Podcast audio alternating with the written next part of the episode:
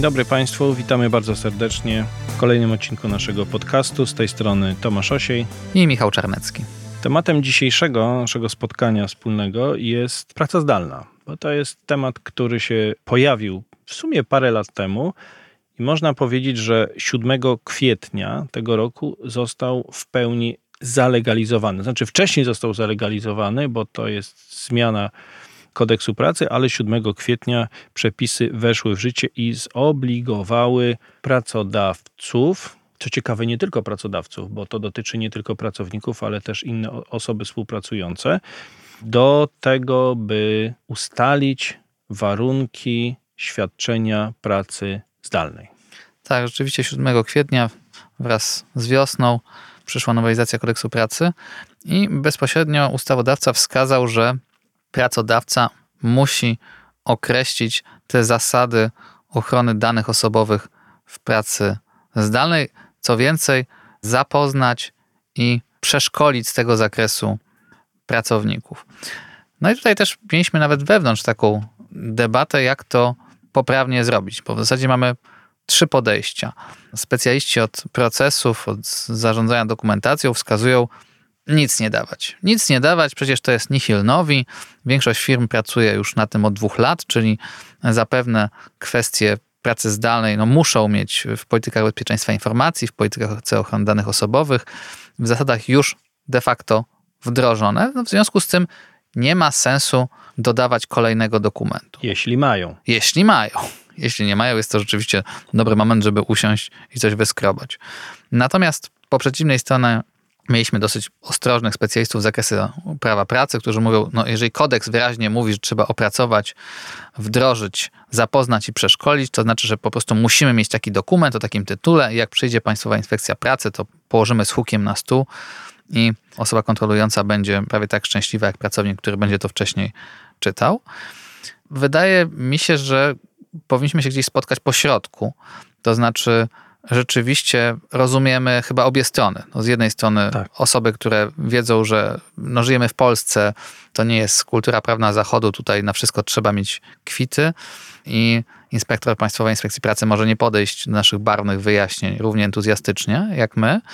Natomiast rzeczywiście nie ma sensu tworzyć dokumentu, który w całości powiela lub co gorsza jest sprzeczny z politykami, instrukcjami, procedurami już w firmie obowiązującymi. Bo tu, tu zatrzymajmy się na chwilę i dwie rzeczy bardzo ważne. Po pierwsze, mamy wprost wymieniony, i to jest argument dla prawników tak naprawdę, bardziej od prawa pracy i prawników od RODO, że mamy wymieniony dokument, który nazywa się Zasady ochrony danych w pracy zdalnej, czyli zwrócono uwagę na to, że te zasady muszą być spisane. I tu każdy, to o czym powiedziałeś, czyli ktoś, kto przychodzi z y, kontrolujący, powie: Mam napisane czarno na białym, mają być zasady, poproszę o te zasady. I trudno dyskutować z tym argumentem. A z drugiej strony, w tych naszych dyskusjach wewnętrznych, ci, którzy zarządzają tym, powiedzieli o pewnym bardzo jawnym ryzyku i takim, które może się ziścić i realnym, jest to, że dokument, który będzie, powstanie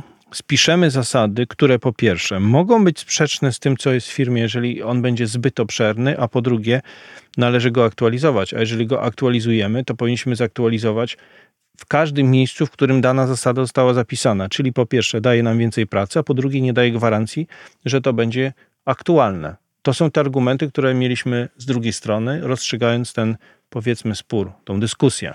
Zaobserwowaliśmy kilka takich, wydaje się, salomonowych wyjść z tej sytuacji, które są rozwiązaniami pomiędzy. Znaczy, jednym podejściem, z którym ja się spotkałem, było to, żeby zebrać te wszystkie polityki, które mamy dotychczas i żeby nadać temu dokumentowi charakter taki bardziej edukacyjny dla pracowników, czyli wprowadzić takie ogólne zasady typu nie zjadamy w domu dokumentów, zabezpieczamy, chronimy, nie wyrzucamy do kosza na śmieci, czyli wprowadzić zasady na takim stopniu ogólności, stworzyć kilkustronicowy dokument, żeby nie było szansy, żeby on był w jakimś momencie sprzeczny z tymi naszymi szczegółowymi politykami i procedurami. To jest jedno rozwiązanie. Czyli taki bardziej obrazkowy, taki pokazujący główne zasady, które trudno, żeby się zmieniły, bo jeżeli mówimy nie zjadać dokumentów, to zawsze będzie to aktualne. Dokładnie. To jest jedno podejście. Drugie podejście to jest stworzenie takiego krótkiego przewodnika, które też wydaje mi się jest ok. Czyli mówimy ok, to są zasady, Poszczególne informacje znajdziecie tutaj, zasady niszczenia znajdziecie w polityce retencji, zasady bezpieczeństwa informacji w polityce bezpieczeństwa informacji, zasady ochrony danych w polityce ochrony danych osobowych wraz z linkami i to też wydaje się ok. No, a trzecie to jest połączenie tych dwóch, czyli dosyć taki krótki opis poszczególnych zasad wraz z odniesieniem do szczegółowych dokumentów.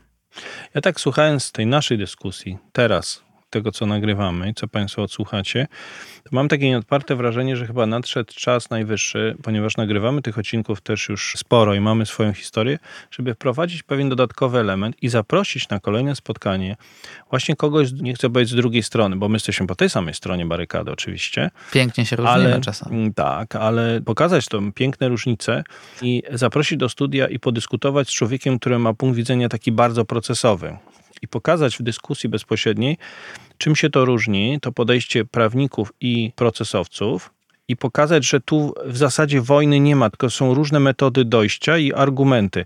Ja myślę, że ten punkt, ale nie tylko, to jest taki bardzo fajny punkt do wyjścia do takiej dyskusji i myślę, że to zrealizujemy. Przechodząc jeszcze do kolejnego punktu, jeżeli chodzi o zasady ochrony danych osobowych, pojawiło się pytanie, czy i jak to wpłynie na rejestr czynności przetwarzania? Czy trzeba utworzyć tutaj nową linijkę, praca zdalna? No wydaje się chyba, że odpowiedź jest oczywista. Praca zdalna jako taka nie jest procesem, w związku z tym nie tworzymy czegoś, co jest zupełnie nowym procesem, nowym zapisem w, w naszym rejestrze czynności.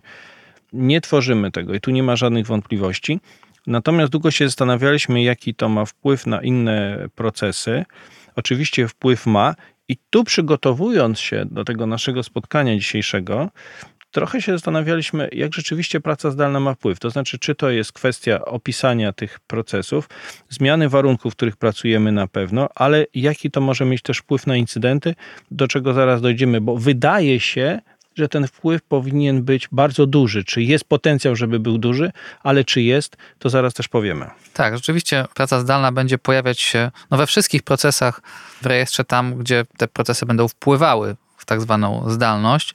No to i najlepszym przykładem będzie obieg dokumentacji, który będzie istotnie zmieniony i tak jak wspomniałeś, no wpłynie nam to na ryzyka. No i teraz pytanie, może pytanie do ciebie, na które ja nie znam odpowiedzi, w związku z tym zadam je tobie. Mam, mam nadzieję, że ja też, że będę znał odpowiedź. Jak zdalność wpłynęła na incydenty? Czy mamy ich więcej, mniej, tyle samo? Czy ci pracownicy w domu mnożą, dzielą te incydenty, zmniejszają? Hmm. Bardzo ciekawe pytanie. Bardzo dziękuję panie redaktorze, ale ja też nie znam na to pytanie odpowiedzi za bardzo, ponieważ nie mamy takich statystyk, które byłyby odrębne, mówiące o tym, że przy pracy zdalnej tych incydentów jest mniej czy więcej. Natomiast doświadczenie życiowe podpowiada nam, że tych incydentów może być więcej. Potencjał jest większy, dlatego że pracujemy w innych warunkach, mamy więcej miejsc, w których może nastąpić wyciek. I te wycieki są mniej kontrolowane, bo jesteśmy poza bezpiecznym obszarem biura. Natomiast czy tak rzeczywiście jest, trudno nam powiedzieć.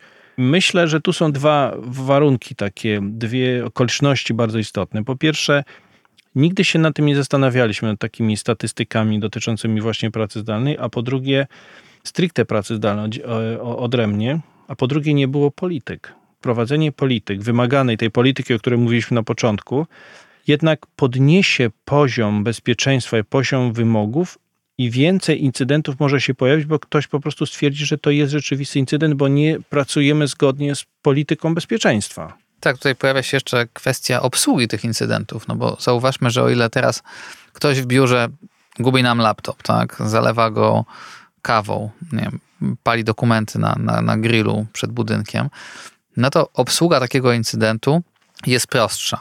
Ale teraz załóżmy, że ten sam pracownik zamiast ciężko i przyjemnie pracować tutaj na naszym polu, w ramach jakiejś patologii wyjeżdża do Zakopanego czy do Darłowa i tam przy plaży, gdzie bawi się jego rodzina, ten laptop gubi i de facto nie dość, że mamy pracę zdalną, to mamy zdalny incydent, jeszcze musimy go zdalnie obsłużyć. Szczególnie jeśli ten laptop sobie popłynie do Szwecji, mamy wtedy pracę za granicą. Znaczy, do Szwecja to jeszcze pół biedy, jak gdzieś tam wypłynie, wiesz, poza EOG. Do Kaliningradu. Hmm. To pozamiatane. Ale teraz wraca... Trzeba będzie powołać komisję. To teraz wracając do tematu, bo nam się tu pojawia praca za granicą, zaraz tego dojdziemy, ale rzeczywiście obsługa incydentu zdalna będzie trochę trudniejsza, bo mi przyszła do głowy jeszcze jedna myśl. Co prawda nie jest to związane z pracą zdalną, ale jest związane z przepisami dotyczącymi badania trzeźwości. I teraz pytanie, jeżeli pracujemy zdalnie i wiemy, że badanie trzeźwości zdalnie jest dosyć trudne, a z drugiej strony czytam w prasie, że podczas pracy zdalnej wzrasta spożycie alkoholu i takie dane są, to wzrasta nam ryzyko, że incydenty będą, ponieważ one w sposób naturalny mogą się pojawić na skutek stanu nietrzeźwości pracownika. I my sami w ciągu tej minuty wygenerowaliśmy takie informacje o takim ryzyku, bo ono rzeczywiście jest. Będzie problem z obsługą, ale pytanie z obsługą incydentu, jeżeli praca jest za granicą. No właśnie, co teraz? Pracownik gubi tego laptopa już teraz w Tajlandii. No to ja sobie wyobrażam, że, że trzeba by powołać zespół i chyba trzeba pojechać, pomóc mu w tej Tajlandii. No zdecydowanie, bo przecież zdalnie nie da się tego odpowiednio zabezpieczyć. Nie, to nie jest to samo, myślę, to musi być... To szczególnie dużym korporacjom podpowiadamy, żeby jednak przyłożyć się do tego i w tej To polityce musi być wizja lokalna. Odpowiednio to opisać, bo ja myślę, że urząd będzie bardzo zadowolony. Znaczy ja też zresztą od dawna postuluję i też do Państwa się zwracam, że, uważam, że rolą JOD rzeczywiście jest przede wszystkim jakiś audyt wyjazdów integracyjnych, imprez firmowych, szczególnie zagranicznych. Trzeba przede wszystkim sprawdzić miejsce, do którego Tam są ktoś szczególnie jedzie, ryzyka, tam są nasi pracownicy czy, tam, czy i, to i jest dane osobowe bezpieczne. Tak, razem z nimi. tak. To jeszcze raz apelujemy głównie do, do korporacji, bo I, I do naszych firmy klientów, proszę też to, To, proszę nas uwzględnić. uwzględnić. zwłaszcza tam, gdzie wiemy, że są te obozy kajakowe, co Jesteśmy w stanie troszeczkę czasu wygospodarować, żeby sprawdzić teren, dla na którym klientów wszystko. następuje przetwarzanie danych. I tu mamy ostatni element chyba, o którym chcieliśmy wspomnieć, czyli jakie sankcje mogą się dodatkowo nam pojawić. Tak, jakie sankcje mogą się pojawić? Jest jeszcze jeden drobny element, czyli podpunkt do tego punktu, o którym wspomnieliśmy, to znaczy koszty związane z pracą zdalną, ale my to pomijamy w naszych rozważaniach, bo one nie mają większego wpływu na RODO. Natomiast ten ostatni punkt związany z sankcjami to jest pytanie, jakie sankcje grożą z tytułu złego wdrożenia lub niewdrożenia pracy zdalnej. I są w zasadzie dwie ustawy, o których mówimy, czyli kodeks pracy i RODO. Z punktu widzenia RODO brak zabezpieczeń, czyli cały arsenał, którego może użyć Urząd Ochrony Danych Osobowych, a jak wiemy, potrafi go użyć, bo o tym już mówiliśmy niejednokrotnie. I to są te sankcje, powiedzmy, ułodowskie. Są drugie sankcje, o których my nie mówimy, czyli inspekcja pracy, bo to jest już w domenie kodeksu pracy, ale one też są, czyli nie wprowadzenie czegoś, co jest możliwe, wymagane. My patrzymy na to z takiej strony, że jeżeli ta praca zdalna jest i nie mamy tej polityki jakkolwiek wprowadzonej, czy w całości, czy w części, czy od- odesłania, czy obrazki, czy cokolwiek innego, nieuregulowanej, nie mamy tego w rejestrze czynności, nie ma tego odzwierciedlenia w, w rejestrze czynności tak generalnie, no to mamy sankcję łodowską możliwą. Tym pozytywnym akcentem chyba zakończymy nasze spotkanie. Możemy nawet sparafrazować pewnego słynnego funkcjonariusza słowami pijesz, nie przetwarzaj. Tak możemy to podsumować. Myślę, że jest to bardzo dobre podsumowanie. To a propos tego, co wcześniej mówiliśmy, czyli połączenia tych dwóch ciekawych rzeczy, pracy zdalnej oraz badania trzeźwości. Także dziękujemy za spotkanie i tradycyjnie życzymy spokojnego przetwarzania. Dziękujemy, do usłyszenia.